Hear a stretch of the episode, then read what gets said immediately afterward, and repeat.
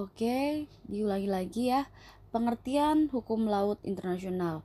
Hukum laut internasional adalah kaidah-kaidah hukum yang mengatur hak dan kewenangan suatu negara atas kawasan laut yang berada di bawah yurisdiksi nasionalnya atau yang disebut dengan national jurisdiction. Terus kemudian sejarah hukum laut internasional.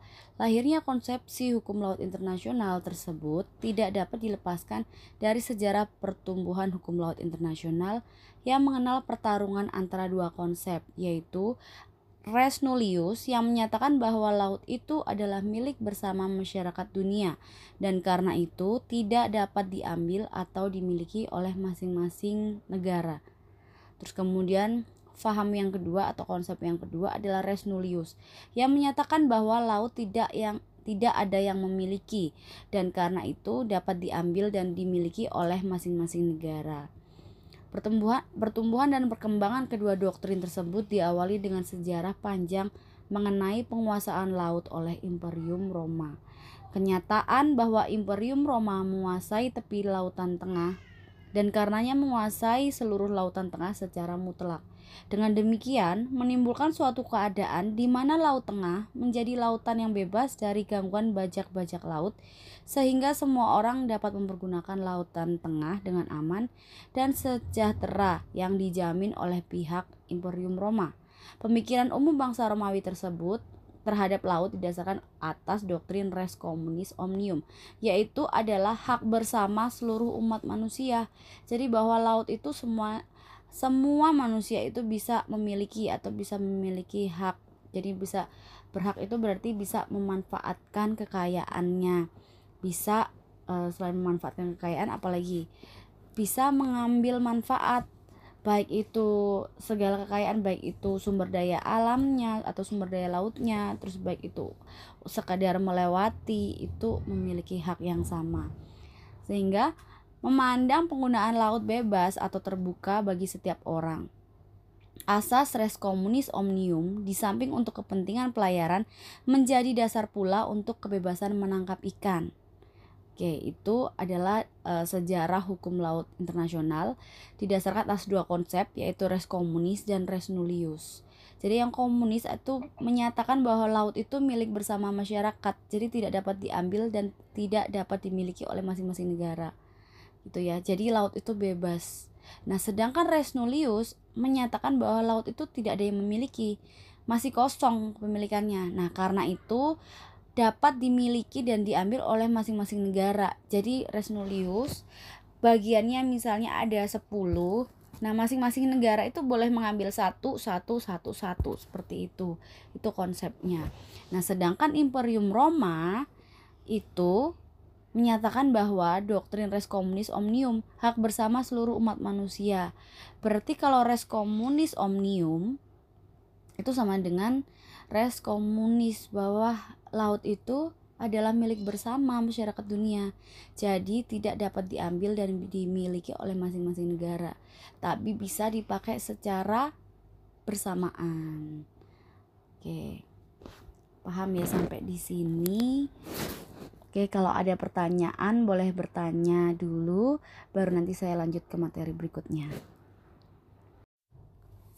Hak lintas damai di laut wilayah tidak ada persoalan karena telah merupakan suatu ketentuan yang telah diterima dan dijamin oleh hukum internasional. Di laut wilayah perairan Indonesia, kapal semua negara, baik negara berpantai ataupun negara tidak berpantai, dapat menikmati hak lintas damai melalui laut teritorial itu pasal 17 konvensi.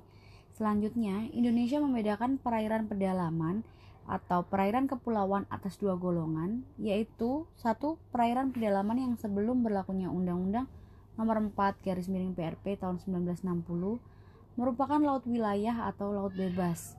Para perairan pedalaman ini disebut laut pedalaman atau laut internal seas. Yang kedua, perairan pedalaman yang sebelum berlakunya Undang-Undang Nomor 4 Garis Miring PRP tahun 1960 ini merupakan laut pedalaman yang dahulu. Selanjutnya dinamakan perairan daratan atau coastal waters. Di laut pedalaman ini, pemerintah Indonesia menjamin hak lintas damai kapal-kapal asing. Sebagaimana kita ketahui, laut pedalaman ini dulunya adalah bagian-bagian laut lepas atau laut wilayah dan sudah sewajarnya kita berikan hak lintas damai kepada kapal-kapal asing. Ketentuan yang juga dinyatakan oleh Konvensi Jenewa dan yang ditegaskan pula oleh pasal 18 Konvensi 1982 di perairan daratan tidak ada hak lintas damai. Ini adalah suatu hal yang wajar karena kedekatan dengan negara pantai atau kedekatan dengan pantai seperti anak-anak laut, muara-muara sungai, teluk-teluk yang melutnya kurang dari 24 mil, pelabuhan-pelabuhan dan lain-lainnya. Sebagai tambahan, pemerintah Indonesia pada tahun 1985 telah meratifikasi UNCLOS 3 tahun 1982 ini dengan mengeluarkan Undang-Undang Nomor 17 Tahun 1985 tentang pengesahan United Nations Convention on the Law of the Sea yang ketiga. Oke. Sampai sini jelas semuanya. Kita lanjut ke laut teritorial. Laut teritorial atau laut per, atau perairan teritorial dalam bahasa Inggris disebut territorial sea adalah wilayah kedaulatan suatu negara pantai selain wilayah daratan dan perairan pedalamannya.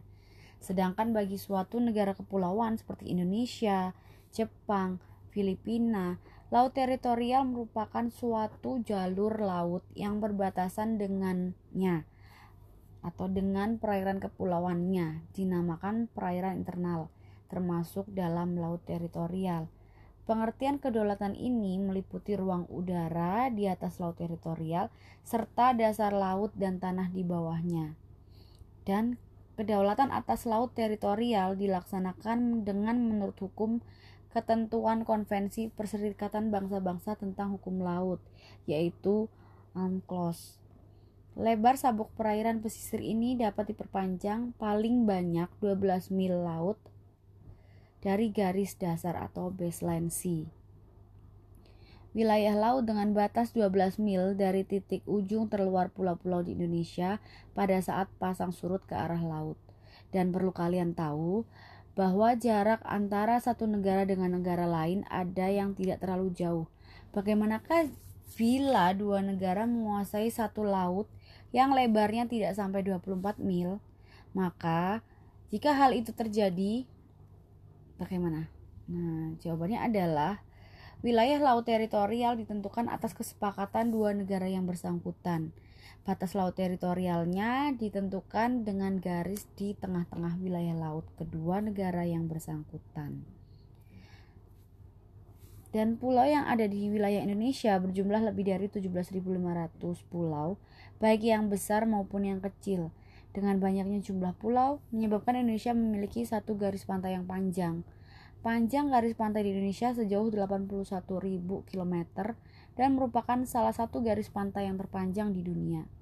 Adanya garis pantai yang panjang akan menguntungkan bagi negara itu, sebab kekayaan yang terkandung di dalamnya menjadi hak milik negara. Oleh karena itu, batas-batas wilayah laut di Indonesia harus diakui oleh dunia internasional.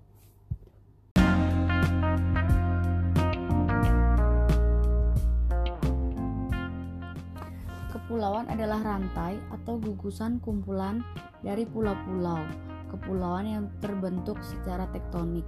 Kata kepulauan berasal dari Yunani, archi, kepala, dan pelagos atau laut yang berasal dari rekonstruksi linguistik bahasa Yunani abad pertengahan, tepatnya nama untuk laut Agea dan kemudian dalam penggunaannya bergeser untuk merujuk pada kepulauan Aegean atau merujuk pada jumlah kumpulan yang besar pulau-pulau.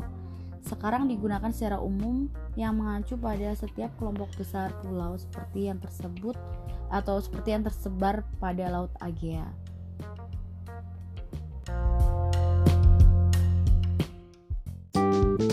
Hai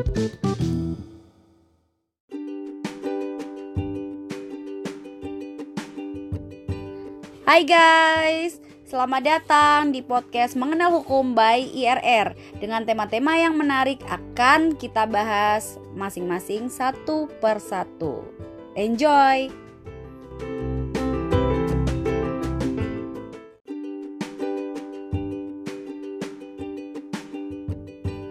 Hai guys, Selamat datang di podcast Mengenal Hukum by IRR dengan tema-tema yang menarik akan kita bahas masing-masing satu per satu.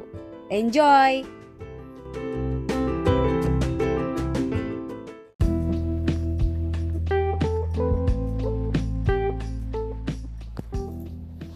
Oke, diulangi lagi ya. Pengertian hukum laut internasional. Hukum laut internasional adalah kaidah-kaidah hukum yang mengatur hak dan kewenangan suatu negara atas kawasan laut yang berada di bawah yurisdiksi nasionalnya atau yang disebut dengan national jurisdiction. Terus kemudian sejarah hukum laut internasional. Lahirnya konsepsi hukum laut internasional tersebut tidak dapat dilepaskan dari sejarah pertumbuhan hukum laut internasional yang mengenal pertarungan antara dua konsep, yaitu res nullius yang menyatakan bahwa laut itu adalah milik bersama masyarakat dunia dan karena itu tidak dapat diambil atau dimiliki oleh masing-masing negara. Terus kemudian Faham yang kedua atau konsep yang kedua adalah res nullius yang menyatakan bahwa laut tidak yang tidak ada yang memiliki dan karena itu dapat diambil dan dimiliki oleh masing-masing negara. Pertumbuhan, pertumbuhan dan perkembangan kedua doktrin tersebut diawali dengan sejarah panjang mengenai penguasaan laut oleh Imperium Roma. Kenyataan bahwa Imperium Roma menguasai tepi lautan tengah dan karenanya menguasai seluruh lautan tengah secara mutlak. Dengan demikian, menimbulkan suatu keadaan di mana laut tengah menjadi lautan yang bebas dari gangguan bajak-bajak laut sehingga semua orang dapat mempergunakan lautan tengah dengan aman dan sejahtera yang dijamin oleh pihak Imperium Roma. Pemikiran umum bangsa Romawi tersebut terhadap laut didasarkan atas doktrin res communis omnium, yaitu adalah hak bersama seluruh umat manusia. Jadi bahwa laut itu semua semua manusia itu bisa memiliki atau bisa memiliki hak. Jadi bisa berhak itu berarti bisa memanfaatkan kekayaannya.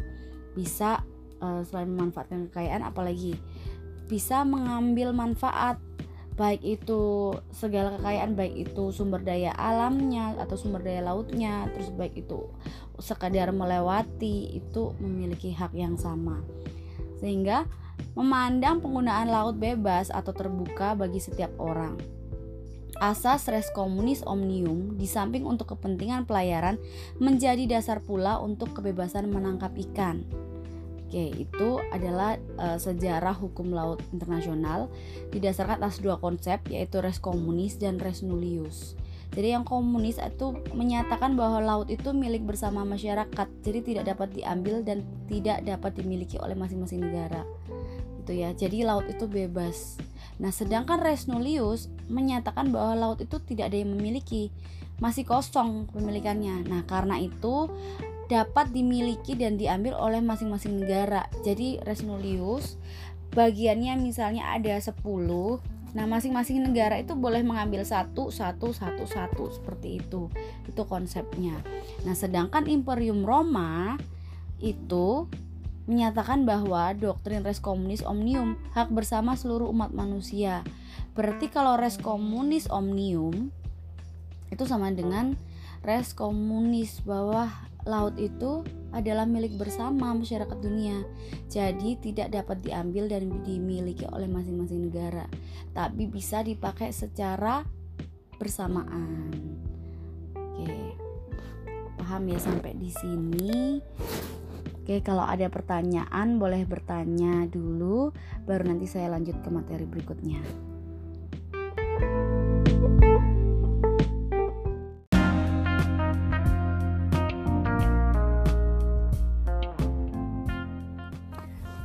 Kepulauan adalah rantai atau gugusan kumpulan dari pulau-pulau kepulauan yang terbentuk secara tektonik.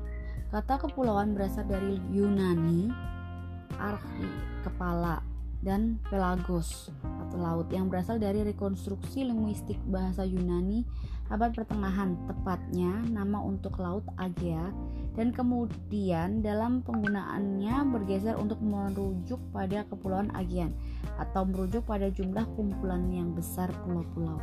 Sekarang digunakan secara umum yang mengacu pada setiap kelompok besar pulau seperti yang tersebut atau seperti yang tersebar pada laut Agea.